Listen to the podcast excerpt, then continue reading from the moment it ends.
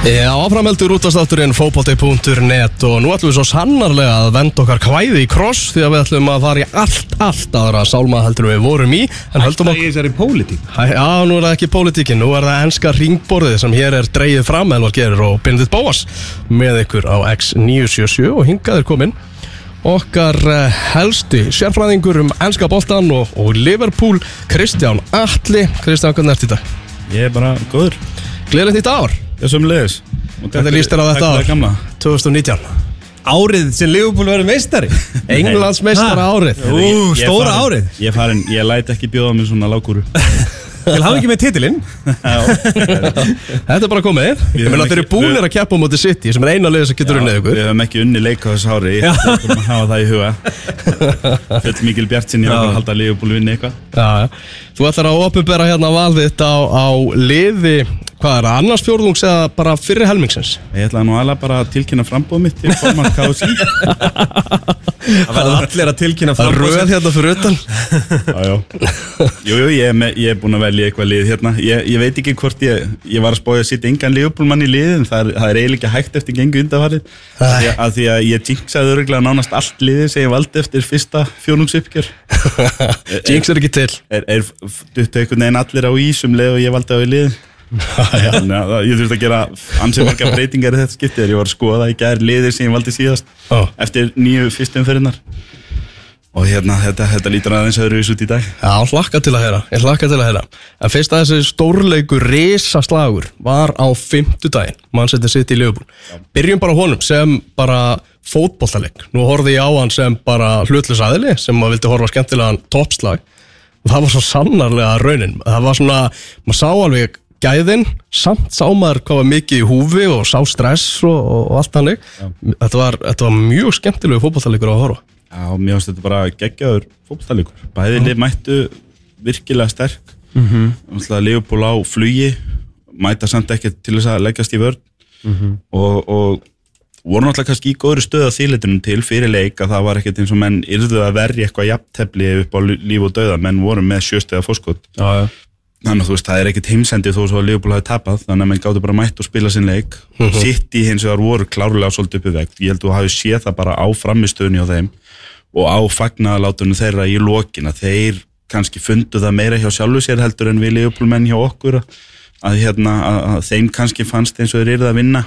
að, að, að, að að til þess að halda lífi í þessu og það sást alveg á framistöðunni, þeir voru að spila þarna bara upp á líf og döð og mér fannst sitt í bara, sko mér fannst Leopold ekkert slæmir Þetta voru bara tvö geggjulega mætast og City höfðu bara betur. Þeir voru bara betri, þeir voru bara geggjaðir. Ég las það þar að sko Pep Guardiola hann borðar ekki sólarring fyrir leik bara svona mægin bara höndlar það ekki á stressi og spennustíði sko Já.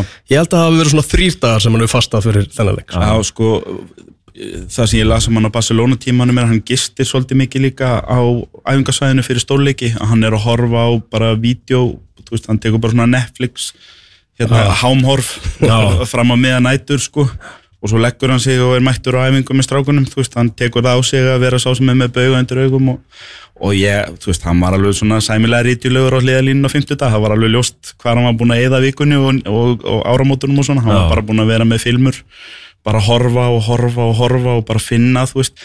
Og sko, það sem ég fannst með City og, og, og það sem að gerir Guardiola þeim þjálfara sem hann er er að, sko, hann hann er, hann er búin að taka þetta þriða tíðanbílaðast með City. Hann er bara manu því með Barcelona, með Bayern og svo City. Hann bara mætir, hann innleiði sinn fótbolta. Hann ræður engin við þennan fótbolta.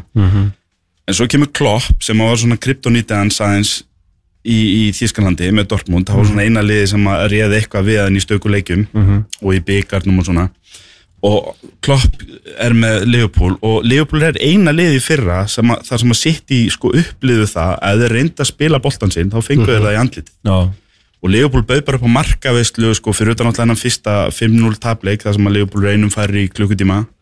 Að eftir það að þá var Leopold bara með þrjá leik eftir áramót unna á alla og 2-3-4 mörkið mm. og Pepp er ekkert vanur því og það var alveg ljóst að hann var búin að setja sér það verkefni að vera með lausnir uh, á þessu Leopold-liði þegar hann myndi mæta þeim næst. Og það sást á Anfield strax í haust þar sem að liðin svona nullu hvort annað út án þess kannski endilega að vera að hanga í vörn. Að hann var búin að finna leiðir til þess að loka á allt það sem að Leopold gerir vel en svo er eitt að vera með planið og eitt að, þú veist, þetta masterplan þú þarf líka að vera með leikmennar til að framfylgja og þeir eru heldur betur með leikmennar til þess ég er ekkert vissum að Guardiola gæti þjálfað Crystal Palace til þess að loka svona vel á Liverpool, skilur Nei, nei. en, en hérna, en það sást síðan bara í þessum leik, þeir voru bara með svör við því sem Liverpool er að gera og þeir náðu, þú veist þeir náðu svona svolítið að framfylgja sínum vilja á Liverpool en ekki öfugt. Og Liverpool eftir 5 eða 10 myndur voru farnir að reyna að bregðast við því sem að City voru að gera þeim en ekki öfugt. Já. sem er svolítið, við erum ekki vanir að sjá það á Liverpool með klopp og, og, og sko City menn og Guardiola er ekki vanir að sjá neina að gera það við þá en Liverpool gerði það við þá í fyrra. En nú eru þeir búin að gera það við Liverpool svona hér um bíl í tveimu leikjum við vetur. Og hérna og ég meina ég var að hugsa framan á setni áleika að þetta væri mjög áhugavert sko, Liverpool er búið að skora í öllum deildaleikjum í ötur nema gegn City þá til að fyrir mín og skoraði þarna á 70. mínúturni þá voru búin að spila næst í við City að hann að skora og ekkert að skapa mikið af færum og ekki ná að spila okkar bolta. Og, og Liverpool búin búin að vera svo fáránlega góðir í vetur. Þeir eru búin að tapa nýju stegum og fimm aðeim eru gegn City Þannig að þið sjáu hversu dominandi Leopold hafa verið og þeir hafa ekki tapast stíi gegn liði sem er utan topp 5 þetta eru bara, hitt eru bara jafntefli við Arsenal og Chelsea útvöldi, búin að vinna rest. Þannig að það er bara City. Ég hugsa að við getum alveg sagt í dag sko að City er sennilega betra liðið. En það munur ekki miklu, þú veist, þetta er bara hárfít munur á liðunum en City náttúrulega bara skutu sér í fóti með því að tapa þremur leikjum gegn svona minni spámunum, þremur óvæntum tableikjum í, í desember. En sko liðin sko City virtust ósýrandi í november fóru inn í desember tveimur stegum á eftir Leopold, ég veit ekki út að Leopold kannski tók það hans á taugum því að City bara unnu og unnu og unnu en Leopold bara vann og vann og vann líka. Og þeir náðu ekki að hrista Leopold af sér. Þannig um leið og þeir hyggstuðu og Leopold hoppaði upp fyrir þá í hinn leik þá kom eitthvað sveifla hjá þeim er töpuðu tveimur í viðbútið yfir jólin. Þá var allt í hennu þú veist komin eitthvað stað á eitthvað svona, eitthvað skjalt og annað slíkt. Þeir rákuð það sér með látum á 50 og nú býst ég ekki við neinu öðru en að sitt í fari bara á annar rönn. Og, og spennan náttúrulega í þessu núna er andlega hvernig bregst Leopold við? Að hafa þá svona hrikt í stóðunum hjá Leopold núna og minkað aðeins fórsköldu og annað slíkt. Það er þokkala þægilegt prógram framjá hjá Leopold á pappir næstu 5-6 leikir, þannig að nú er bara gaman. Ég meina, ég býst við ég býst bara fyrst að þessi leiku fór svona þetta minkaðin í fjögusti, þá eru minn einu jafntefli frá því að vera konir tveimur stegum á eftir þeim aftur og þá eru þetta orðið þetta kaninu hoppi eins og þetta var í oktober og november að það var lífuplotti leiku undan. Og hoppið eru alltaf stíu fyrir City og svo spilaði City daginn eftir og fór aftur á toppin og þetta tekur smá tolla, þú ert alltaf á toppnum í sólarhing, þú ert í öðru sætinu í sólarhing og þú veist, þetta er alveg titilbara Þetta verður alveg og ég held þetta verði þar fram á voru, ég er ekkert að ég ætla ekkert að spá eins og ykkur settið upp eftir hennar leik. Spurningin er, eru, ef, ef að City eru hásbreytt betri, eru þeir fimm stígum betri en Liverpool, það er það sem þarf eða, eða fjóru stígum á markatölu þannig að þetta er bara það sem að koma skal, Liverpool er bara í titilbaratu og City eru bara í titilbaratu og, og bara njótum. Hver er sjúkraþjálfari Liverpool? Því að mm, sá maður er að gera kraftaverk Því að það er bara Það er ekkert einhver eitt getur sattir Ég Nei, ég, veist, ég bara Það segja er eitthvað það- teimi sko. Þetta er einhver leikuk og sérfræðingur frá Serbíu er Eitt leikmaður með hjá City sem ég vel minnast á sem við náttúrulega mikið búið að tala um í kringum þennan leik það var svona þegar kemandi Brune mittist uh, í fyrra skiptið. Þá var svona mikið talað um áfall fyrir City hvernig munur höndlaði þetta og eitthvað. Þeir bara unnu alla leiki 5-0 þegar hann var frá í þeim klukka. Uh, það vantaði í leiknum um daginn hvað mútið sáþánd í tapleiknum. Þá vantaði Fernandinho. Þá var einhver Óskar ófögur þeirra breyta sem ákvað nú að reikna bara út Manchester City með og án Fernandinho. Mm. og þá kom bara í ljós einhver 15% munur á, á sigurum. Uh, svo á hann þennan risaleg á móti Liverpool. Er að koma í ljós að Fernandinho sé mikilvægasti leikmaður Manchester City? Ég veit ekki með mikilvægast því en, en hérna, en hann er allavega ansi mikilvægur ég held sko að þú ætlaðir að setja svona einhverja knaspinu drengi og, og stúlkur niður einhvern knaspinu skóla og kenna þeim á varnatengilið þá getur alveg gert margt verð en að sína þeim bara fyrstu 15-20 minúturnar í liðupleik hjá Fernandinho. Og segja bara- hér erum við með kamera á Fernandinho horfum við á hvernig hann tekur hættulustu sókn í Európu og, og þessa miðju hjá Liverpool, hann tók bara alla úr sambandi Já. hann var aldrei grófur en hann spilaði alveg á línunni hann var Já. eins ítinn og, og, og, og hérna og svona let finna fyrir sér eins og hann gat sko, hann fekk aldrei tiltalið sinni Nei, nei. slapp svona einu sinni ágætlega vel hefði mátt fá, fá gullt hann einhvern tíðan Þegar það tók Robertson hann Já. Þú veist, ég meina, þá tekur hann einhverja þrjáleik með Liverpool, sko, hann tæklar einn og, og hleypar á næsta og svo bombar hann Robertson. þetta viltu bara hafa í þínu lið Þú- ég meina Liverpool, þú eru að hugsa líka sko, hvað vilt að City geri ef, mm. ef að City er í þeirri stöða menn get ekki unnið Liverpool og unnið fairplay velunin Já, já, já. þá verður þú bara að fara þess lið og ég er ekki að segja það að þú þurfur tuttaskap til að vinna Liverpool en það er hluta þessu. Út á heimaölli Já, það er stemming á vellinum, þú lætur finna fyrir þér inn á vellinum, utan vallar og reyna að gera mennum aðeins erfitt fyrir og þú tekur það á samband og það tókst því að Liverpool fannst mér einhvern veginn er svona góðar tíu mínútur í fyriráleik góða tíu mínútur í setnáleik og það sýnir, það er kannski ákveðið styrkleika merkja á Liverpool að þeir skildu ekki láta keiri yfir sig þú veist, að þetta sittilið að spila svona vel vinnur Já. mm ef að þetta hefði verið Chelsea eða Tottenham eða Arsenal eða United þá hefði þeir sittu inn í stórsíður með þessari framistuð en Leopold eru bara það sterkir að þeir heldu í við þá og þeir gáttu komið tilbaka unni sér róli inn í þetta setna alveg jafnað, fá svo hann annað marki andlitið. Þú veist, þetta er svona fínt, ég meina manni skýtur í stöngina Sane skýtur í stöngin inn veist, svo fær Sala eiginlega kimlikt færi og Sane fekk og Ederson ver þetta er svona, þú veist, maður hugsa með sér veist, þeir voru betra aðeins en Liverpool geta samt Já, já, einlega sagt sko við vorum óhöfnir að ná ekki ykkur úr þessum leik. Já, þetta er náttúrulega stöngin út, stöngin inn, það er nú það er, ákveð, það er ákveðið styrkleika merkja á, á Liverpool sko, að, að þeir hafi þó staðið bara þetta vel í þeim þegar Já, City átti þetta geggja framstu Þetta er tvölið náttúrulega í algjörum elítuflokki í Evrópu, af bara bestu fótballaliðum Evrópu í dag, það er bara klart mál.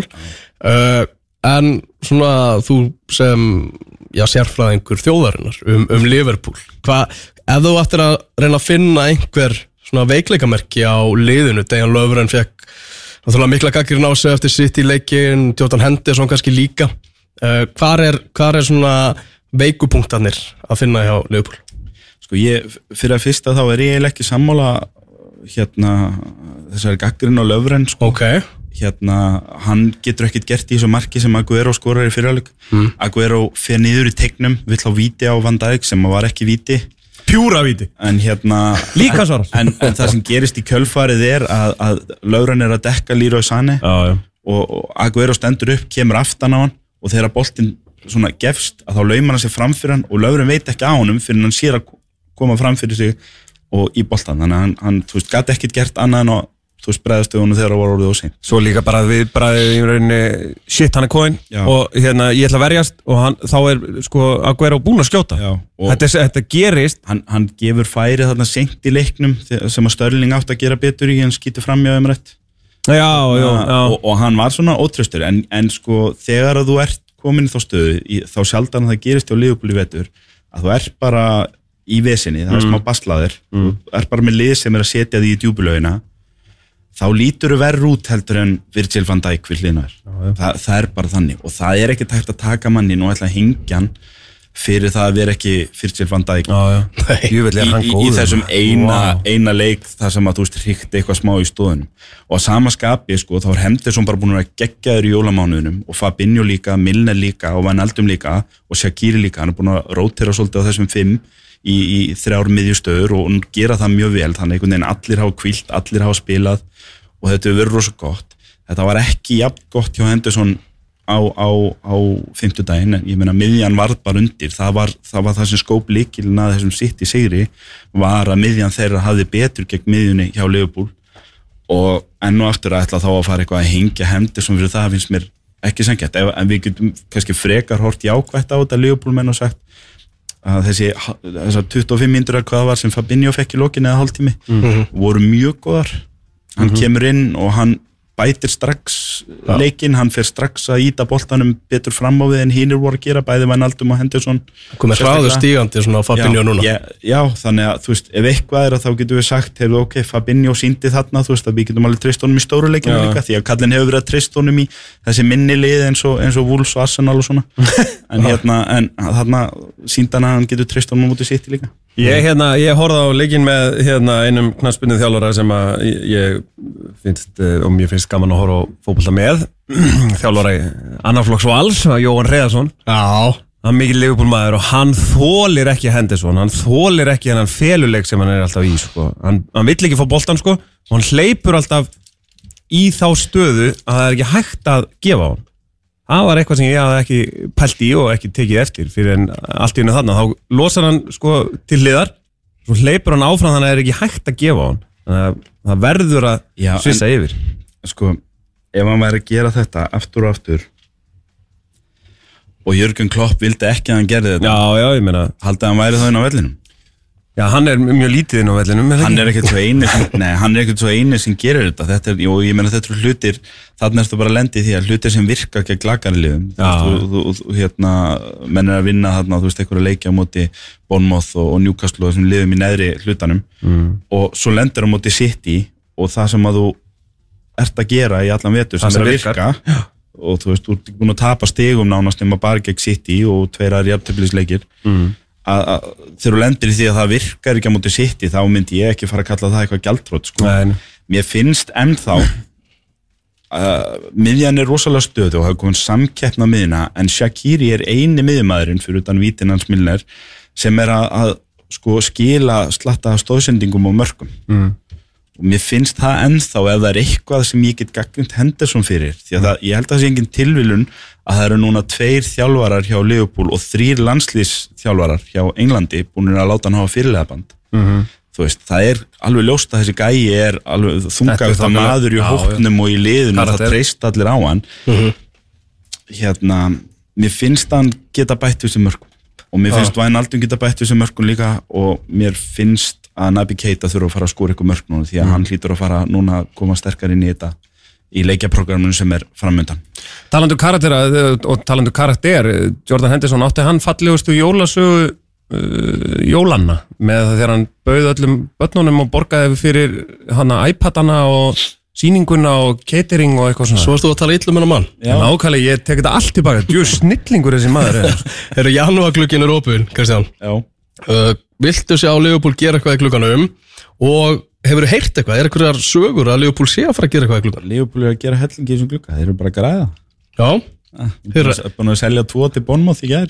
Eru þau hvað svo langi á 19 miljónu pund? Rosalega er það mikill peningur fyrir ónota eh, mann sem er ekki í hóp. Hann er með eitt mark í Premier League. Já, og svo lánaði Nathaniel Klein með til, að, til að aðeins hella sigur út í kaffi Ég er endar, uh, sko, helvitið hann Klein, sko, hann er, sko, ég meina, hann er ekki búin að, hann var alltaf búin að, hann var eiginlega búin að vera týndur, sko, er það ekki? Svo kemur hann inn á, en það er hann eina leik, Já, mér fannst hann, mér fannst hann frábær, sko. já, Mér fannst hann í alveginu frábær.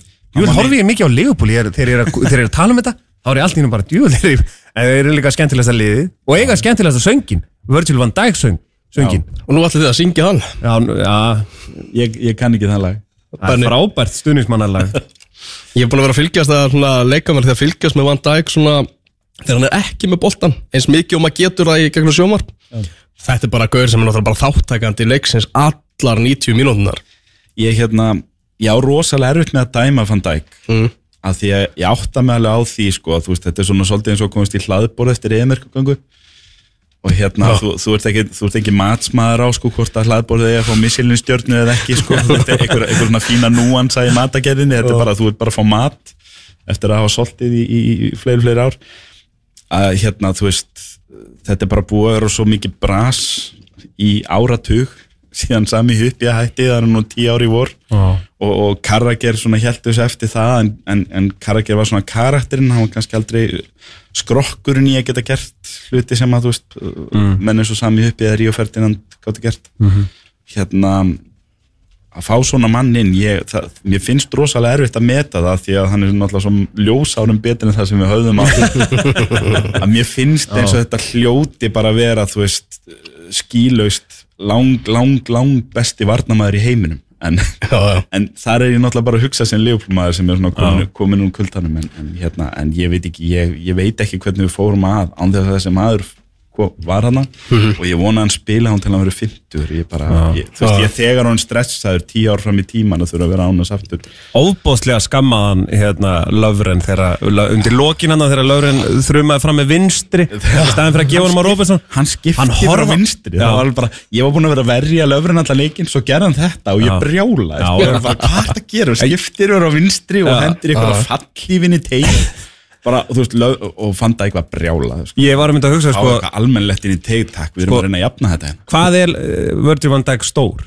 Því að hann er svona 3 og 7 Já, það 370 og hann horfði á hann 60 metra og sko lúki sem hann gaf hann ég er ekki vissum að Löfren hefði sopnað vel sko, Leopold réði, það var náttúrulega umdeilt eða menn reyndi eitthvað að gera grína því hérna í haust þegar að Klopp réði eitthvað þjálfara sérstaklega í innköstin. Mhm.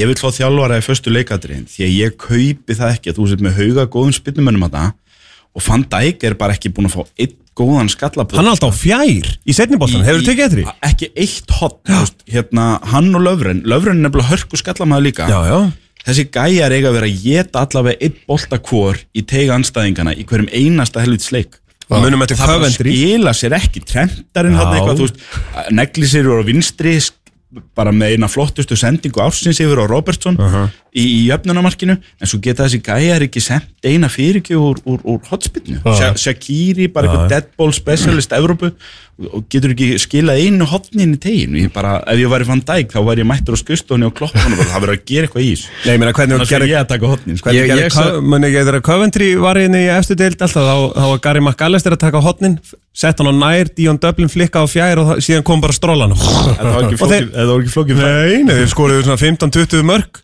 á hverju sísoni, sko, úr hotnum Ég var að hugsaði mitt hérna, uh, að því að þetta er þetta er lélegt hjá Liverpool að vera með alla þessa trukka. Þetta er bara arfaslagt, þetta, þetta gerir mig pyrraðan í hverjum leik sko. að ef, ef að Leopold myndi bæta þessu við þá er eiginlega bara ekkert hægt að verja stenningur því að þá geta þeir farið í það líka sko, e, e, eins og gegn sitt í, það er ítla gengur. Og geta menn farið bara í háaboltana og bara verið með pressuna sína þar sem að menn er að reyna að koma boltanum út úr teiknum eða taka niður eftir að vera endurlust að díla við ykkur að skallabolta og Liverpool pressan kemur á þig og þá ert að gefa hellinga vinköstum á hotnum og ef að þú gerir eitthvað almennlegt við það þá er bara ekkert hægt að verðast þessu liðbúl en það vantar, menn geta gefið hot og sagt bara ah, ok, þú veist, Sala er allavega ekki að fara að sóla tvo rétt á meðan við tökum hotni og við erum ekki að hafa áhyggjur að fann dæk og löfrin í hotninu því að þeir hitt aldrei á það. Já, já. Ég er stjórnismæður Manchester United og ég er svona nokkuð vanur því að hafa Hafsend sem er með þetta presens og kaliber eins og Virgil van Dijk í mönnum eins og Vítids og Stam og, og fleirum. Uh, en nú er það svo sannlega ekki upp á týringum hjá Manchester United. Og það er rosalega erfitt að horfa upp á það. Það er rosalega erfitt að horfa upp á það. En við erum að tala um titilbaráttuna þannig að við ræðum ekki Manchester United alveg strax. Uh, Manchester City uh, það er svona smá kannski helst hjá þeim að Pep Guardiola veit ekki alveg hvað hann að gera í bakvarastöðunum. Kyle Walker veist er aðeins komin út í kuldan hjá honum. Laporte var hann að það er miðvörður, var að spila Já. bakvörð og svona. Þannig að það er spurning hvort að það var einhver bakvarða vestlanir vestlaða bakvörður hjá City. Ég meina Hann er- þeir þurfti náttúrulega að kaupa fyrir tveimur árum. Hann er búin að eigða þokkalum upphæðum í þessar stöður. Danilo, Já. Mendy og Walker voru nú ekki, þannig eru 100 miljónum punta Já. bara í þrjá menn sem að hann tristir svo eiginlega ekki þennan leik. Danilo fær að vera þarna en hún, hann fær þau skilabóð bara að þú veist, elda manni og gera ekkert annað, hún er með eiginlega ekki trist neitt annað í leikinu, svo hendur hann Laporte inn Laporte reyndar Laporte kom inn í vinstri bakvörð í báða leikunum gegn Leopold í vetur. Hann, hann var bara settur inn á sala það var ekki flóknar en það, hann bara við ætlum ekki að gefa þeim hennan helvit særi kant. Það er 21 umferð búinn Liverpool með fjóra stega fórustu þrátt fyrir að þú viljið nú ekki jinxa neitt þá verður nú að veikjana það að Liverpool er líklegasta liði til að vinna þennan titil í dag. Já, sko, þú veist, þetta er í hvað þriðaskipti á 15 árum eða eitthvað sem Leopold er í þessari umræðu í januar og öll hinn tólskiptin þá hef ég aldrei skilið akkur þessu umræða er, er svona snemmað. Menn, þú veist, mér varst klopp bara hitta neglan á höfuðið þegar hann sagði hérna í mjólinn þegar menn náði allt innu tíu eða sjö stega fórskoti hann sagði sko það er allt of snemmt að ætla að fara eitthvað að tala um hverjir er að fara að vinna titilin eða ekki. Þeir bara njóta þess að vera á toppnum. Því að ef að þetta ekki ef þetta snýst ekki um að njóta þess þú veist, akkur eru við þá að þessu? Þannig að ég neita ég neita núna að vera eitthvað að fagna titli fyrirfram og, ef, og þú veist, mér finnst mjög fyndið þegar menn er á, á Twitter og Facebook og eitthvað að saga leifbólmennum að fara fram úr sér. Engin stuðnismannahópur í heimi er lengra frá því að fagna of snemma heldur en Liverpool það er engin stuðnismannahópur jafn stressaður yfir þessari stöðu eins og Liverpool menn Já. að bara við, við búumst aktíft við því að fyrirliðin renna á raskatið þú veist eða eitthvað svona, það gerist eitthvað eitthvað staðar munum menn finna eitthvað fáránlega leið til að klúra þessu. Þannig að það er engin Liverpool maður að fagna of snemma og gleymi því bara ætla eitthvað að reyna að skjóta því á okkur. Það er ekkert hittir uh, lengra fram í markinu. En hérna Það er bara svolítið fátt Ég- eftir sem að maður getur skotið á Liverpool sko. Já, ég veit ekki, ég meina býðið bara, það, það getur alveg vel að sitja í reddi ykkur fyrir ykkur að híja á okkur í vor. Alisson er alveg möguleiki á en, því. en sko, þú veist, þannig ég bara, ég fyrst og finnst núna þá er ég bara að fagna því að Liverpool er ógeðslega gott fótboltali og það er á toppnum í deildinni og þeir eru að fara að spila bæinn í mistaradeildinni og þetta er bara rosalega gaman. Mhm. en mér finnst þetta ekki gaman í þessari stöðu í janúar, þá getur ég bara að pakka saman og hætt Já, ég veit að margir stöður sem er tóttinam eru búin að vera öskranda þess á, á útvarpi núna. Við ætlum að leifa tóttinam að vera með í, í þessari umræðu um titilbaróttina Þeir eru með 48 stig en hafa einhvern veginn svona silt undir radarinn einhvern veginn í allir umræðum meðal annars gera ekkert í sumaglugganum og eina sem er rættur um er einhvern veginn Þeir eru bara ennþá að spila á Wembley Já, og, sko, sem allir eru konum með leið á Ég sko. skal bara kála þessar umræði ef ég væri fó, svona einhverju, þú veist, pólitísku embætti ef ég væri farf, hérna, frambóðið til formans KSI þá myndi ég nú kannski segja, þú veist, eins og já, já, tölfræðilega allir sens og, og við verum að virða tóttina minn svo aðra. En Liverpool og City eru bæði búin að fara á Wembley og vinna tóttina Já, gleymið þessu bara Já, líka bara, ég meina, þeir finna lykt af titilbaróti og þeir tapa mútið úlunum sko. Ég skal alveg gefa ykkur hérna eitthvað soundbite sem að þið getið spilað aftur í mæ ef að hefði ótrúlega gerist. Tottenham er ekki að fara að vinna þennan titil.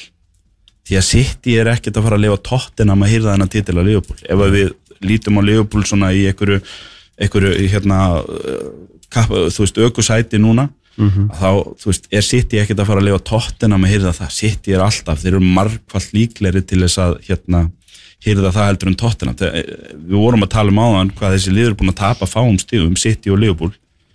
Og hérna og þau er bæði eftir að fá Tottenham í heimsótt sjáu þið Tottenham fyrir ykkur koma í þessa pressu sem var á fimmtudaginn og Etihad og, og klára það? Og koma svo líka á Anfield og klára það þar sem að Liverpool hefur valla fengið á sig mark sko, í, í heilt ár í, í, hérna á Anfield. Til þess að það er það sem þeir þurfa að gera til að vinna titil þeir þurfa að brúa bilið þar.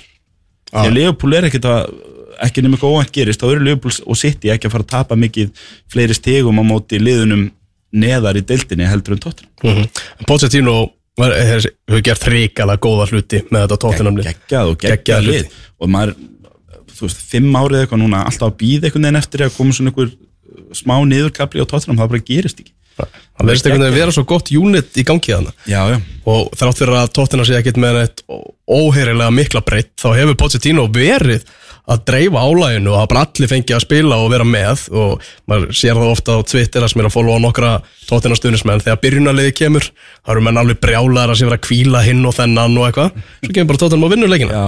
og þeir mæta sig að feskir í næsta leik og, sér það best á því menn eins og til dæmis Dele Alli er kannski ekki, þú veist, eiga sama rosa tíðanbíl og í fyrra til dæmis.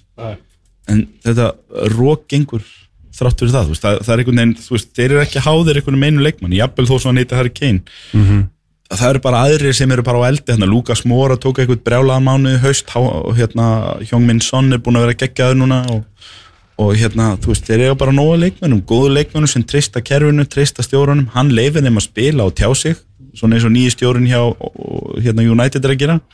Og það fleitir góðan leikmennum hans er langt, að finna það að þeir hafi trösti frá stjórunum til þess að fara út og, og og, og, og skapa eitthvað því að fótbolti snýst ekki bara um að hérna, læra varnastöðuna sínar utan að og mæta í vinnuna. Að, þetta snýst líka um það að spila með smá leikleði og, og búa til eitthvað sem að þú þú ert Lukas Mora Já. og þú ert kannski ekki einn af tíu bestu leikmennum í deildinni en þú ert samt færum hluti sem að 99% knaspunumanna í heiminum get ekki gert. Nákvæmlega.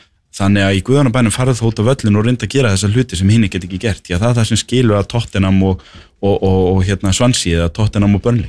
En Tottenham er pikkfast í þessu þriðja sæti. Það er það sem við lærðum að þessari ræðu þinni Kristján Alli uh, Við ætlum að taka okkur smá hlið og svo ætlum við að ræða um uh, Chelsea Arsenal og Manchester United Manchester United er eh, 2-0 yfir á móti Redding í hálfleik. Í ennska byggarnum Juan Mata og Romelu Lukaku með mörkin. Þeir eru að hlusta á eh, X-ið 977, það er útastátturinn fókbalti.net Við erum hérna við ennska ringborðið, ég, Elva Geir og Benedikt Bóas og Kristján Atli og uh, við erum búin að ræða hérna þrjú efstu liði, nú ætlum við að fara að vinda okkur í liðin þar á eftir og byrjum bara á Manchester United. Ég held að það sé bara um að gera. Ole Gunnar Solskjær mættur og hann er að vinna, hvað er það, 50 leikurinn þá? Já. Já. Já, sem er að vinna núna með þessum sigri á móti Redding, ekki uh, erfiðustu anstæðingarnir og erfiðustu leikinir sem, að, sem hann fekk, það er klart mál. En það sem hann hefur gert hann hefur gert að verkum að stundum með Manchester United eru farnir að nenn að horfa á liðið aftur Já, já. Hann sagði það sjálfur sko að hérna hann er á leiðinni, það var í fréttu núna í gær hann er á leiðinni til Dubai með lið eftir þennan leik, Já. að því hann hefur núna rúma viku fram að Tottenham leik og það verður mjög gaman að sjá hvernig United kemur eftir það sko, því að hann er búin að segja það sjálfur, hann er í rauninni ekkert búin að ná að innleiða nennar hugmyndir, hann, hann, hann las stöðun alveg rétt, hann kom inn í þetta og hann, þú veist, bara fyrsta verkefni var bara að fá menn til að brosa. Bara gera þetta gaman aftur, bara hvað sem að var veist, og það er ekkert persónlegt gagvart manninu sem hann tók við af. Hann bara var í þeirri stöðu, hann kemur inn og hann bara, hvað sem er, ég þarf bara létta andurslóttið og ég þarf að fá menn til þess að hlakka til þess að spila fyrir Manchester United aftur. Hann hefur ekki sagt neikvæða setningu síðan hann tók við. Nei, ekki um nokkuð Nei, og hann bara, hann bara tók það, hann er bara hann talar, þú veist, eins og svo- svona einhver aðdáðandi sem eru upplifað draum að fá að vera þarna, en Ah. við vitum á bak við tjöldin, sko, hann var ekkert kallaður babyfaced assassin að ástæðlausu, þessi gæi sko, og, og varst áhugavert, sko ég man, ég var að reyna að rifja upp hvenar þetta kom fram, það var eitthvað sem sagði að eitthvað tímann sagði Ferguson þegar hann var hérna að vinna þrennuna 99-2001 eða hvað var að þá sagði hann sko, þá var Steve Bruce held ég að stíða sín fyrstu skrif sem stjóri og hann sagði sko, eða var spurður eitthvað, álíka hérna, þú veist, hvaða, hver af þessum leikmönnum þínum með þessum góðu sögnum sko, mm. eða Rói Kíni eitthvað var að taka við eitthvað lið og hann sagði hérna, Solskjær, Solskjær verður besti stjórna þessum kæm Já, ok. og þú veist, og tíu ánum setna þá var Solskjær og mistari með Molde og þú veist 5-6 árum eftir það þá var hann tekið Manchester United og, og, og ég, þú veist, gamli er náttúrulega pottet miðir áðum hann á bæku tjöldin eitthvað sko. Já, Tryggvi Pátt sagði það, það væri klárt mál. Já, bara líka já. Mike Phelan líka. Já, Mike Phelan er hann líka á stöpu Ah. þú veist, þetta, þetta er svolítið svona gamla teimið komið saman hann aftur. Mhm. og Solskjær bara lasi þetta hárrétt, hann bara, þú veist, hann er búin að leifa einhvern veginn öllum að spila, þú veist, hann er ekki, hann er ekki bara eitthvað, þú veist, Lukaku er minn maður og ekki Rashford eða eitthvað álíka, hann er ekkert búin að frista neitt svo náttúrulega bara, þú veist, þú spilar úr því sem þú hefur, þú, þú, þú ert að taka við miður í jólatörninni og þú hefur Pól Poppa og þú hefur, þú veist, hérna Rashford og Martial og eitthvað, þú það getur vel verið langi annan strækjar í staðinn eða eitthvað sem hentar betur eða eitthvað líka, en þetta eru leikmennir sem þú hefur og þú nota leikmennir sem þú hefur.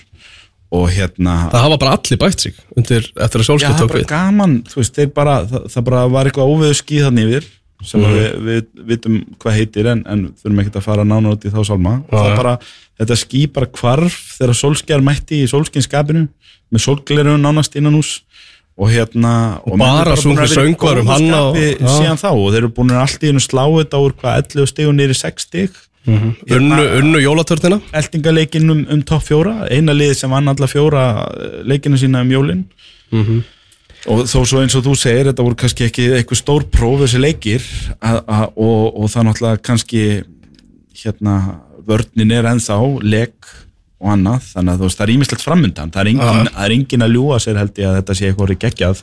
Já, og, og hann sé bara að fara að setja stefnun og titil bara út í haust, ég meina það þarf ennþá alveg hellingur að gerast þarna. Hann þarf ennþá að spila á Phil Jones. Saman að þóttir að Phil Jones sé hress þá verður hann ekkert góði vartan Nei, nei, nei. Nákvæmlega. Mjög lélugur. En, en Solskjær hefur bara gert allt rétt hinga til. Hann las í stöðuna og hann bara, þú veist höfum þetta gaman, höfum þetta létt bara komum öllum í gott skap, fáum menn til að tjá sig og, og, og njóta sín. Núna verður svolítið gaman að sjá sko hann tekur núna þessa, þessa klassísku þjálfara viku fyrir stórleik. Mm. Og við vorum nú að tala um hvernig Guardiola nálgast þessa leiki á það og annars líkt, þessi gæjar eru vakant og svoandi á æfingasvæðinu og menn eru að stúdera hérna vídeo af anstæðingunum og þú veist, að því að ef þú ætlar að ná topp fjórum, þá þarfst að ná ykkur hjá tóttinam, mm það er bara þannig. Þú getur ekki farið þar og ætla bara upp öxlum yfir ykkur tap og sagt, "Já, ég er með þann leikmann óps, ég er með. Þú veist, menn hljóta náttúrulega hjá Manchester United að setja stefnuna á þetta fjóðarsæti og, og ætla bara að mæta grimmir á móti tóttinam og gera eitthvað þannig að það verður mjög gaman að sjá hvernig liðið spilar eftir viku af undibúningi og hann að lesa í tóttinam liðið og að, ekki síst náttúrulega að það er svona auka krydd í þeim leik er það að maðurinn sem hann er að fara að mæta er sá sem er svona talin ennþá líklega en hann til þess að fá að vera með United liðið eftir sumarið. Þannig að það er ansið stórt ef að Solskjær getur mætt, mætt þar með þetta laskaða United lið og þessa vörn varnarlínu sem honum er búið upp á og annars líkt og unni tóttinam og kannski jarðað Harry Kane eða veist, haldi honum niður í 90 mítur, allt þetta þetta fyrir allt á og þegar mann fara að meta eitthvað í vor. Solskjær er ekki bara sko að keppa því að verða næsti stjóri Manchester United. Það sem hann getur líka gert og er nánast búin að gera það er að koma nafninu sínu aftur á kortið í League því það var alveg ljóst að Manchester United í vanda var eina félagi og ennsku úrvarsleitinni sem myndi nokkuð til að ráða Solskjær á þessum tí- tímapunkti. hann var að þýleitunum til í sömu stöðu og Douglas þegar Douglas tók aftur við Liverpool 2011 þegar, þegar Hodgson var ekki að Douglas var ekkit í umræðinni hjá neinum og hann hefði sennilega ekkit hann var ekkit að falast eftir neina og bara með konu sín í fríi hann var með þessi hérna, skemmti fyrir utan hérna, í Indlandshafið eitthvað þegar Kalli kom. Já. Og þeir sendu bara engaflugul og þyrl og annað á hann komunum í land og fljúa menn til Liverpool og daginn eftir beint í byggarleik og Old Trafford. Og það bara lifti klubnum eitthvað en Douglas var ekki búin að ná æfingu þú veist, og hann tapaði þessum byggarleik 1-0 á Old Trafford. En svo bara fór Liverpool að rönn eftir það því að bara Douglas var mættur. Þetta var allt léttar og skemmtilega og menn voru lausi fyrir Hodgson. Og, og hérna og Solskjaer er bara, þú veist, hann nýtur rosalega góðs að því að þetta spilaði upp í hendurnar á honum, þetta ótrúlega tækifæri Já, segjum sér svo að Pochettino takki við. Svo verður eitthvað félag kannski sem að er í Já, stjó, að hugsa um að skipta um stjóra í Premier League og einhver á fundi segir, hei, tökum Steve Bruce. Solskjaer og, og einhver segir nei. næsti stjóri á Leicester eða Southampton Já. í haust sko. Já, það er alveg möguleik, ef, að- ef að United vill hann ekki áfram að þá kannski gera nógu vel hann og annað til þess að vera búin að koma sér í það því að hann náttúrulega, hann fekk þennan sjans áður og það fór ítla hjá Cardiff. Og, og hann svona álpaðist með skotta milli lappan aftur til Norex eftir það eins og er svona búin að býða rólur eftir að eiga annan sjans, hann er náttúrulega ungur ennþá. Mhm. og hér fær hann risatækifæri og ég býst bara við hvort sem hann er stjóri Manchester United árið 2020 eða, eða einhver öll lið, þá býst ég við að við sjáum meira til solskjær heldur en bara fram á vorið. Heldur að Solskjaer nái fjórðasætinu? ég, mm, Já, það, sko í fyrsta sinni vetur eh, síðan að þeir svona dutt úr lestinni þá myndi ég segja það sem möguleiki Já. að því ég er að sjá okkurna hluti hjá Arsenal og Chelsea sem að ég er ekki nóg hrifun af. Já, Þeir þurfa- Chelsea, Til þess að ná fjórðasætinu Ég þarf náttúrulega United að vinna þessa hákalla fyrir ofan. Innbyrðis viðurögnar Já, það sko mér finnst Arsenal og Chelsea ennþá líklegri. En, en, ég, en mér finnst vera sjens og, og sá sjens náttúrulega það þarf alltaf að falla með þeim þeir þurfa að vinna einbyrðisleikina þeir þurfa að standa sig, þeir þurfa að vera nánast sko titilbaróttu formi fram á vorið til að ná því. Skilur, þeir eru eftir að fá Liverpool og hérna City á Old Trafford og þeir verður bara að gera svolítið að gera eitthvað í þeim leikjum. Ef þeir ætla að ná topp fjórum, þú veist, þeir geta ekkert gefið mikið af stigum í viðbót, þeir eru 6 stigum á eftir og, og hérna, en það er alveg séns. 6 stig og búin að vinna 5 í röð, það er alveg séns. Og ég held við sjáum svolítið eftir viku á móti Tottenham hvort að, hvort að United eru líklegir til að gera eitthvað í þeim málum eða ekki. Ég vil eiginlega ræða sko Arsenal og Chelsea bara saman. Mér finnst Arsenal og Chelsea bara nákvæmlega samastað Já. Bæði með nýjan stjóra sem að hefur að vera að stíga sem fyrstu spori í þessari deild, mm -hmm. ennsku, ennsku úrvalstildinni um, og markmið þessara stjóra er bara topp fjóri. Það er bara liðið uh, að sé svona já, sjáandi bæting á liðinu og það endi í topp fjórum. Hinga til þá er þetta að segja bara grænt ljós á, á báða.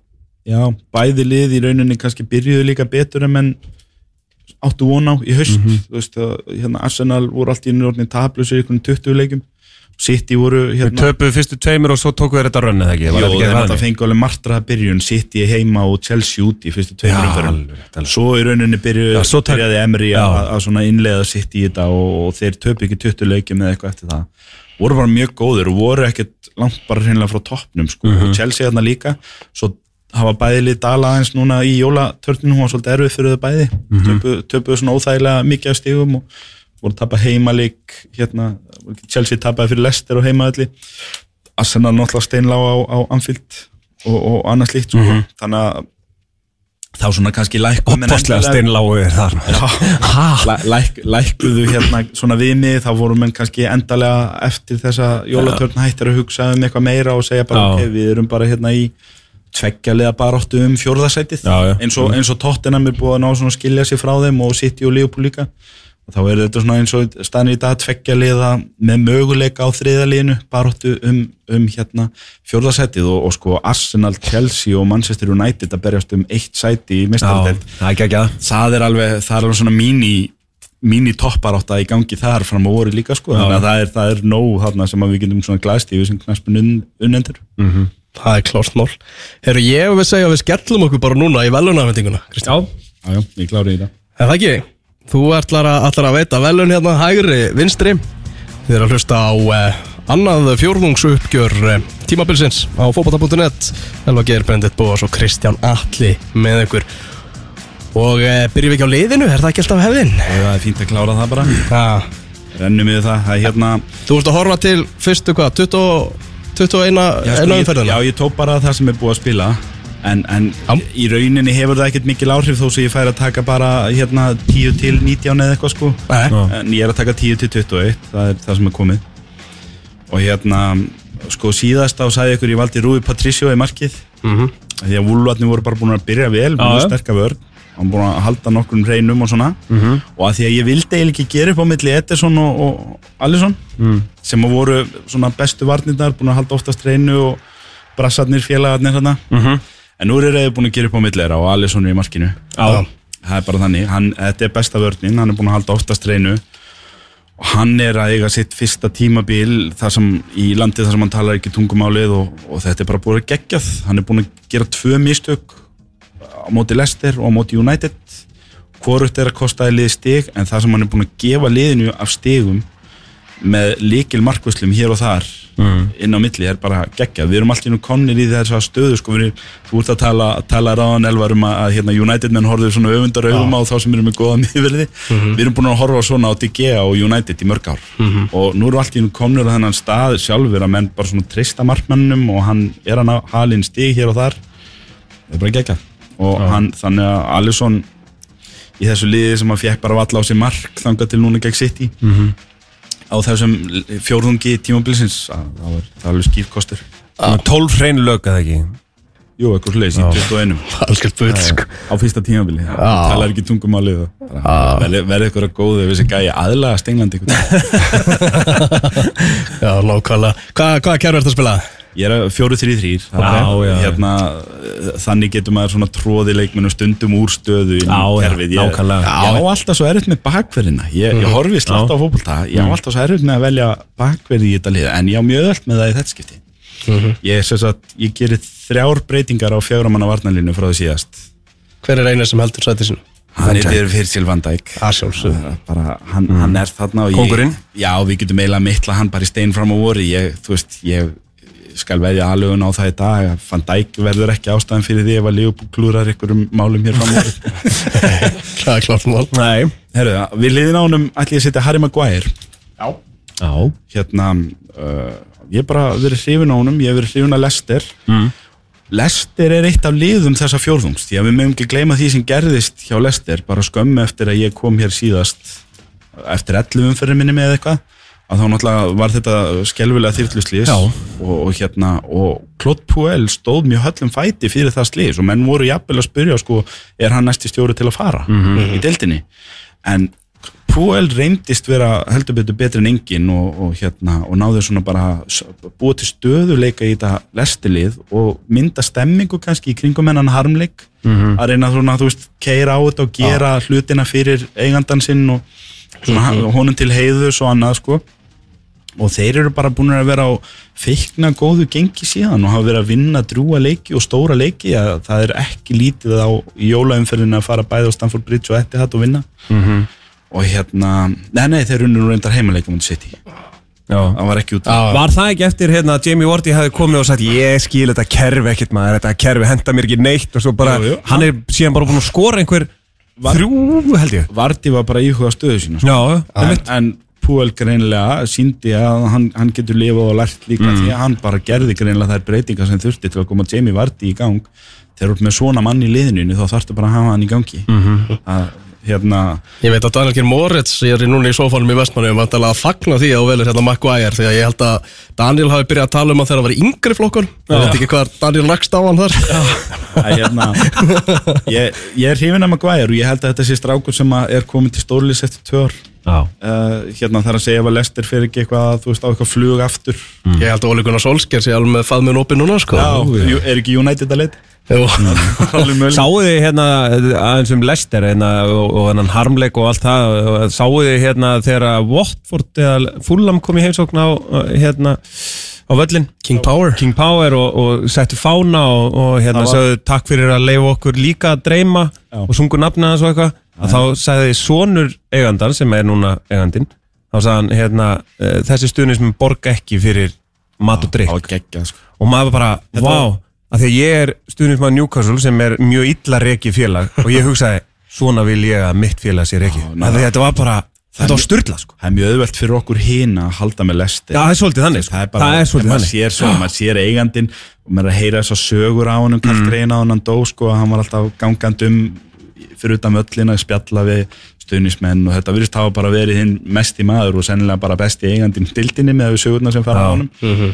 Og, hérna, og svo frábært líka einhvern veginn að sonurinn sé að taka við sko. Já, já, hann ætla greinilega bara að halda í hefðir kallins Já. og bara áfram með Leicester. ganga sem best. Alisson, Van Dijk og Maguire komlir í liðið. Þar átt að setja laus. Já. Við möttum að fylla vardalínuna Herru, besta vörn dildarinnar verður náttúrulega að vera með annar mann í þessu lið og það er komin tími á skoska landslýsfylilegan Já, Andy Robertson er í þessu lið, hann er geggjaður hann Ég- er geggjaður. Þetta er orðnið 13 mánuði núna og ég er ennþá að býða eftir að hann detti niður í eitthvað, þú veist, er hann, er hann að boksa upp fyrir sig? Já, já, Þú veist, maður er ennþá að spyrja því, sko, er hann að spila yfir getu bara í einhverju, þú veist, einhverju super hlæðisla því að það er svo gaman að spila fyrir klopp og eitthvað, dettur hann niður í eitthvað að vera, þú veist, einhver svona örlítið þrepi neðar, eða er hann bara þetta góður?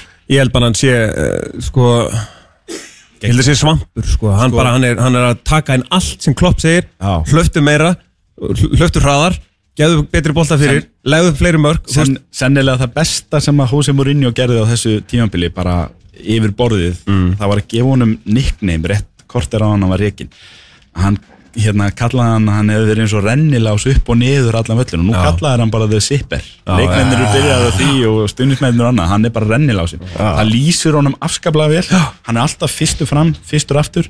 Og hann er bara, hann les leikin svo vel. Hann missir mannin sinn aldrei. Veist, hann er alltaf, það er alveg sama hverju mann mætir, hann reði miklu betur við Störling á 50 daga heldur en Trent reði við Leroy Sané. Og svo framvegis. Og sko og svo er hann bara svo góðu sóknarlega. Hann er með drúar stóðsendingar, flotta fyrirgjafur ég veit að menn rósuðu Trent fyrir að kötta svona yfir á vinstri og koma með hann geggjaða bolta á Robertson í jöfnunamarkinu á 50 dag en spáið í touchinu hjá Robertson, hann liftir honum í boga yfir svona þetta handsvið Ederson. Ekki framhjá honum bara heldur svona yfir hann og, og bara leggur hann upp á kotta fyrir fyrir mín og svona lítinn hettir yfir línuna ógeðslega flott touch og ef að þetta hefur eitthvað brasilimaður eitthvað sem hefur gert þetta, það hefur öll mist Já, ég ætlaði að mynda að segja ef, það að- ef hefur að kortir um þetta í messunni Já. eftir leik en Ef það að- myndist ekki á þetta því að þetta var eitthvað skoti út í bæ það er bara skotar eiga ekkert að geta spila svona fótboll Verið ekki með svona mjúkt touch sko. Ef þetta hefði verið hérna, Real Madrid að skora þetta mark að hægri bakkurinn lagt upp og vinstri bakkurinn sem að kefur með mýksta touch uh, vikunar Já. á brasilískan framherja sem skorar Já. það hefði verið hægt að Já, það hefði verið hægt að skoða það ansi Já, Það vantar einn í vörðina. Hægri bakkur, býtur nú hæri, hæri bakverður eru úr næst bestu vörn deildarinnar á þessum ásfjórlingi og það er Chelsea.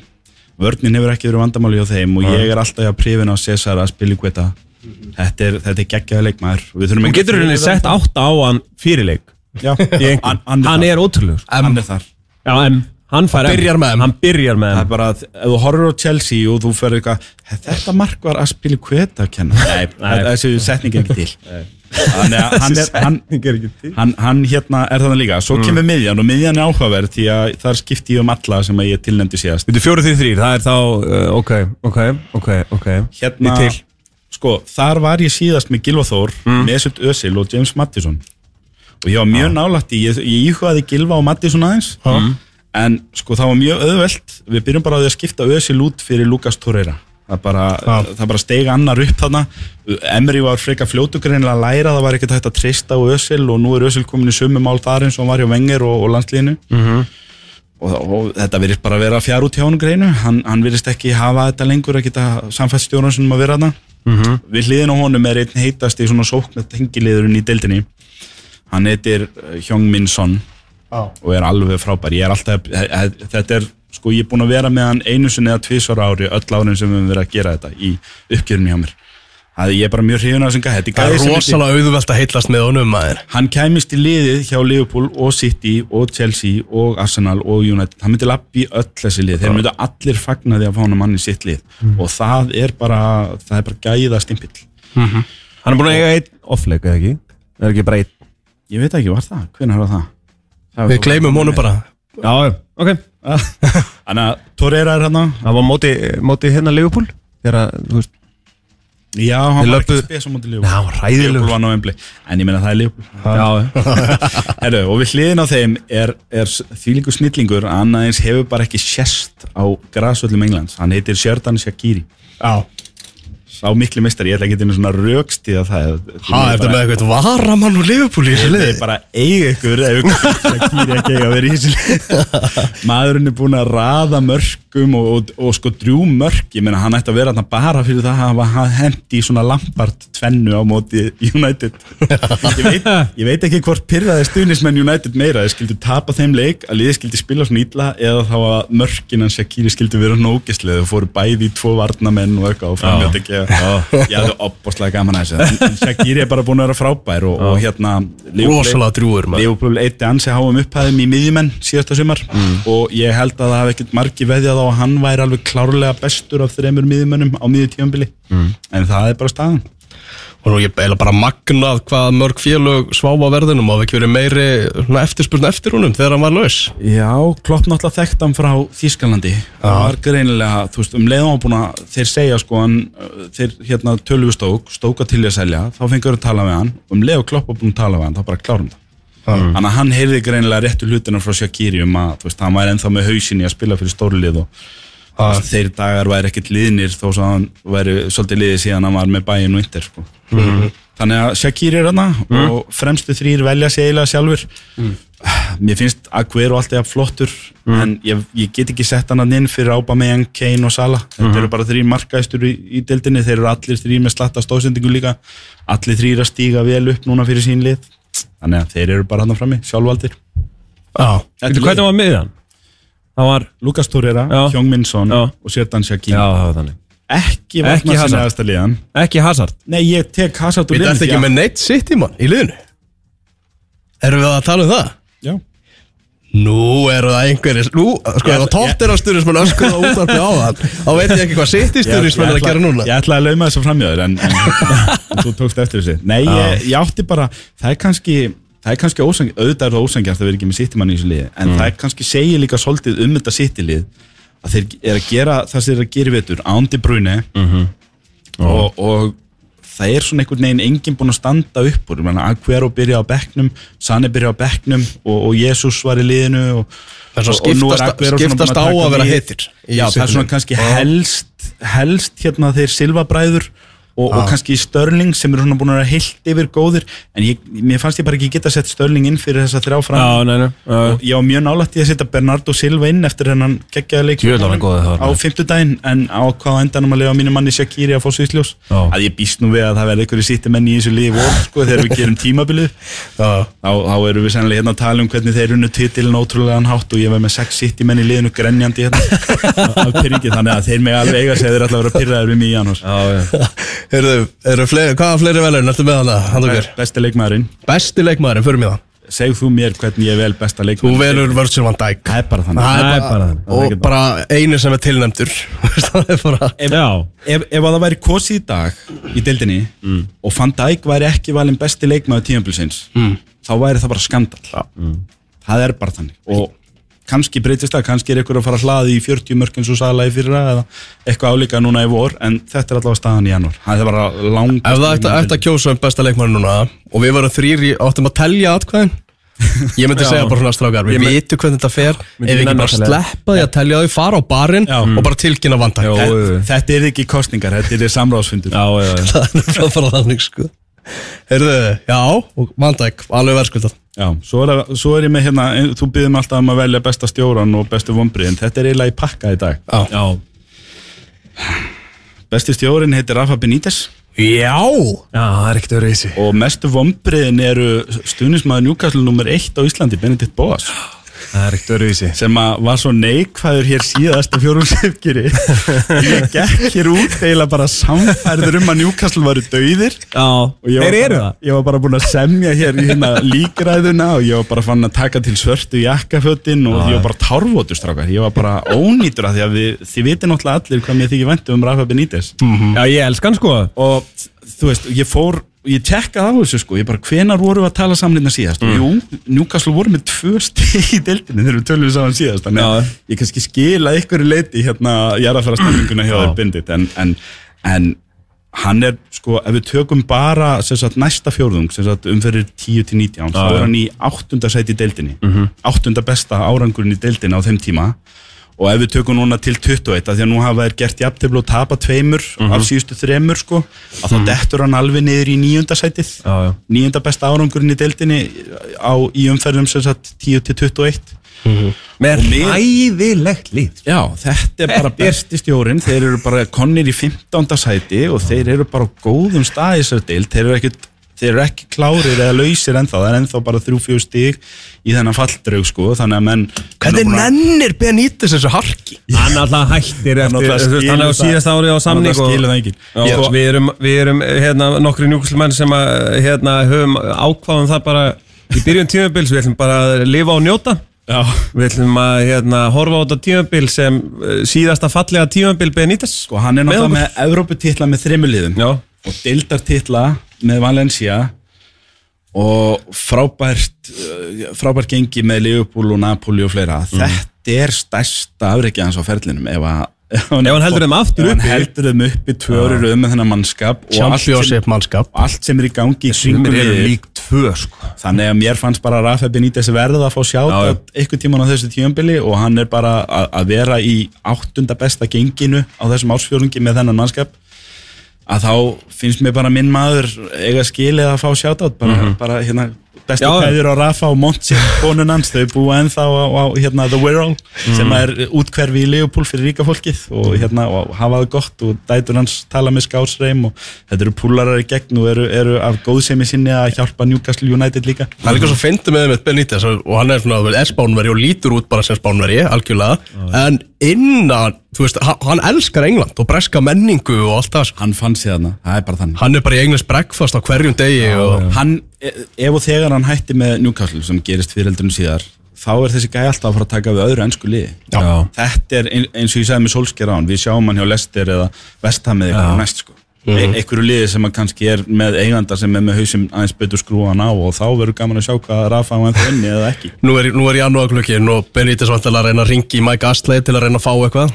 Og eina sem tekur á mótunum er bara Þú ert að þú ert komin í samband við Talhólf þú veist, það er bara þannig. Ég meina það er hérna, hérna, haldið á honum líði að sjá frettir eins og gær? Það er bara, þú veist, annar dag gluggans Bormóð að kaupa svo langi frá Leopold sem að hann megu utan í allt síðasta sumar. Hann var að reyna að fá svo langi og origi lánaða frá Leopold en tókst það ekki. Og svo fá þeir náð þannig að Klein lánaðan frá Leopold Hann- hann hann með sín Leopold tengsl hann hlýtur að vera brjálað bara af hverju voru við ekki að veist, tjekka á þessum dílum og reyna að fá þessa gæja? Af hverju eru við ekki að nýta okkur neyn tengsl neinstaðar við neina klúpa eða neitt þess að fá eitthvað svona, hvað með leikmann sem er ekki komast í liði hjá Chelsea núna eða Arsenal eða eitthvað, getur við ekki fengið neitt af þessum gæjum lánaðan eða? Sko ég held að hérna, eftir, eftir leikin uh, um, hvaða leikur um daginn það sem að hérna, uh, hann sagði Rafa Benítez, uh, hann kom í vittal og hann sagði hérna I don't want to talk about January window. Og svo bara ó, ok. En með því að segja þetta, þá segir hann svo rosalega margt. Já, þetta, var, þetta var hérna I'm focused on coaching and training the team. Já, ég held að sko, þetta núna eru nýjustu fréttir og nýjustu vendingar að eh, Asli hafi sett einhvern enn á ný einhvern fáránlega vermið á þetta félag. Þannig að það er einhver hópur þarna sem átt að kaupa.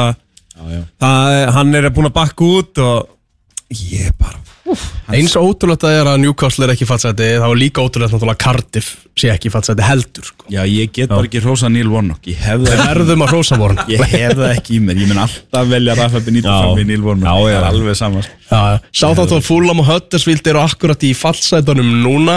Haldið að þetta verði liðin þrjú sem að fara niður? Nei, ég held að Cardiff farið niður með eh, eh, sko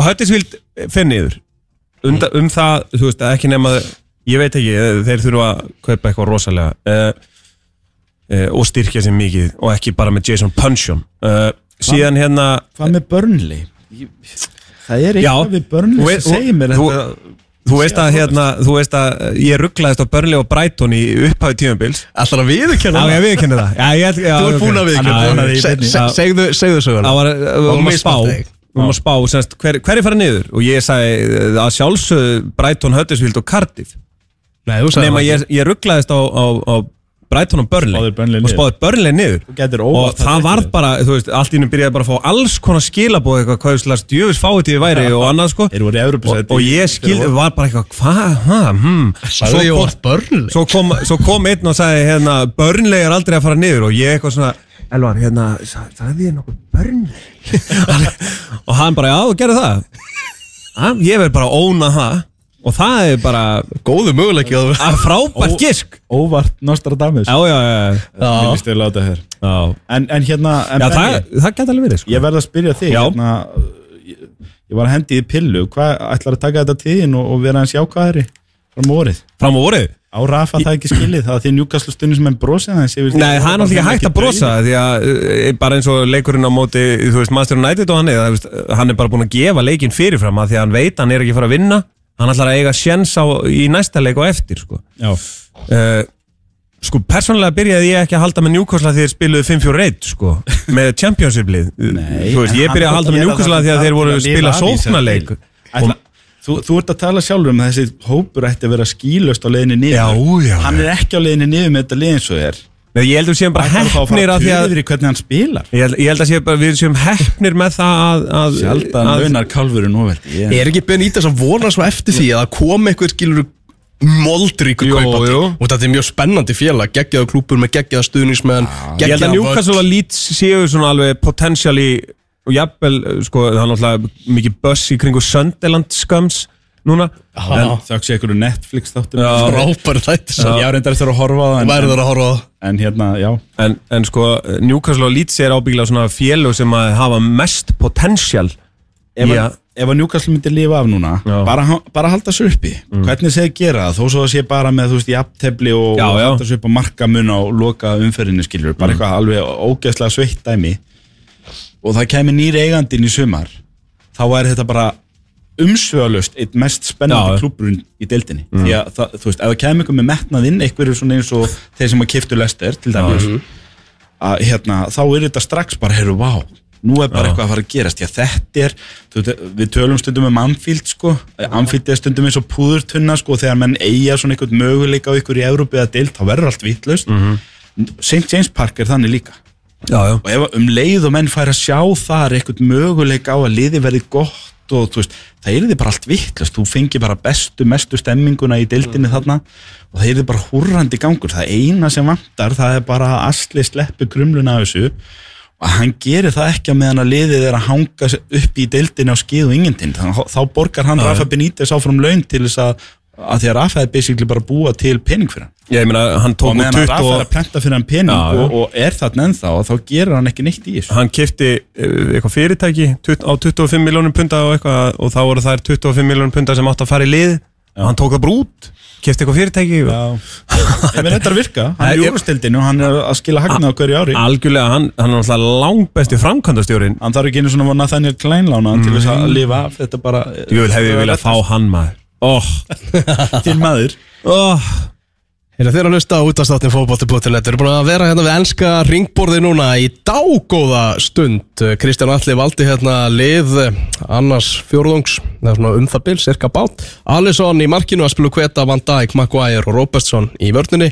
Torreira, Son og Shaqiri skipa miðjuna, svo eru Aubameyang, Kane og Sala sem eru sjálfskeipaðir í sóknar línuna Heyrðu, það er bara síðan byrjað að telja niður í þriðja uppgjörið. Já, já, það verður og, spennandi. og það verður spennandi að sjá hvort að staðan verði svipuð á, á toppi deildarinnar. Hvernig er með það eh, eins og uh, ef að Sala uh, skorar aftur svona mikið og þú veist, ég meina mér, sko, ég hef aldrei skilið þessar pillur sem hann hefur eitthvað verið að fá. Hann hefur ekki að gott og í síðast og eitthvað. En síðustu tíu árin þá hefur uh, eða, já, kannski tíu árin þá hefur ein stórstjarnar úr ennska boltanum farið yfir til spánar Já. er það ekki? Jú. er ekki, er ekki rétt hjá mér, ég held að uh, Sko, er Sala, er hann næstur á, á dagskrá? Ég var nefnilegast að lesa helviti forveitinlega grein í Guardian Já. um hérna að, að Sala væri svona, gæti orðið næsti, næsta stórstjarna til að fara úr ennska boltanum yfir í spænska en af hverju ætti hann að vilja vera sko, uh, Messi's Mois það er að segja, vera að fylla í eitthvað skarð sem að einhver svona vakkjum af stórstjörnu þegar hann líður svona náttúrulega vel ekki- til Hann fer náttúrulega ekki til Barcelona Nei. Það er eitt af besta sem Leopold hefur gert sem að kom ekki í ljós fyrir í haust og lagið allt í einhvernum frettagreinum Mm.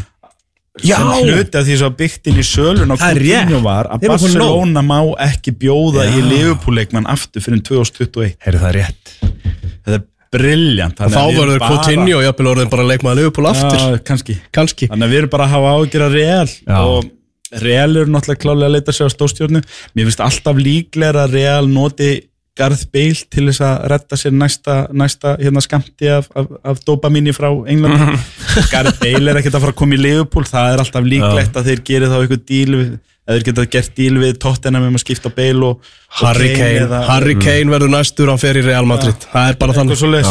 En, en það getur vel verið. Maður hefur séð að gera svo ofta áður það er engilega að sitja hérna og segja að Sala fer ekki. Nei, ef hann fer þá bara fer hann. Og Liverpool en, hefur nú en ekki núna Ég meina, ekki- Liverpool í af-. Liverpool lifið af Coutinho. Heldur betur. Liverpool liða Suárez og Torres líka Og og, og Michael Owen og Steve McManaman við höfum bara, þú veist, það kemur annar leikmaður í staðin og eins lengi og, og svona infrastruktúrun hjá klubnum er góður og, og, og þú ert með manni eins og Jörgen Klopp í brunni Já. Eða Pep Guardiola eða, eða Positino eða eitthvað, þá kemur alltaf maður í mannstað. Talandi um Pochettino, ef að Pochettino hérna, ákveður að fara í, í, í sumar, fara til United hann er náttúrulega að selja leikmönnum sínar hugmyndir og nýr völlur og þetta og hitt og allt annir en síðan er hann kannski fyrsti maðurinn til að yfirgefa brúna eh, Molnar þá undan Tottenham ansir hatt eða? Þá kemur Eddie Howe og reynir að retta því. Já, Það er þannig. Það er bara þannig. Heyrðu það, við erum sprungnir á, á, á tíma. Uh, Ha? Rosa gaman, rosa stuð. Hún er tvö Hún er nefnilega orðin tvö. Útastáttur fótbolti.net á enda Geir Þorsteinsson og Kristján Atli lístu yfir formansframbóði til Ástings KSI þannig að það var mikið stuð hjá okkur. Við verðum ekki hérna. Já, kannski, við sjáum til. Já, ég tella, tella hæpið. Já, já. þú erum að spyrja völvuna en Benni, þú getur nú lært á þessa græjur maður. Já, já Skoðum þetta Skoðum þetta. allan, við aflýsum ekki þættinum alveg strax. Nei, það er bara þannig að takk fyrir að hlusta í dag. Við sendum bestu kveður til Lunduna þar sem Tómas Þór Þórðarsson er stattur og hann er sjálfsögð að hlusta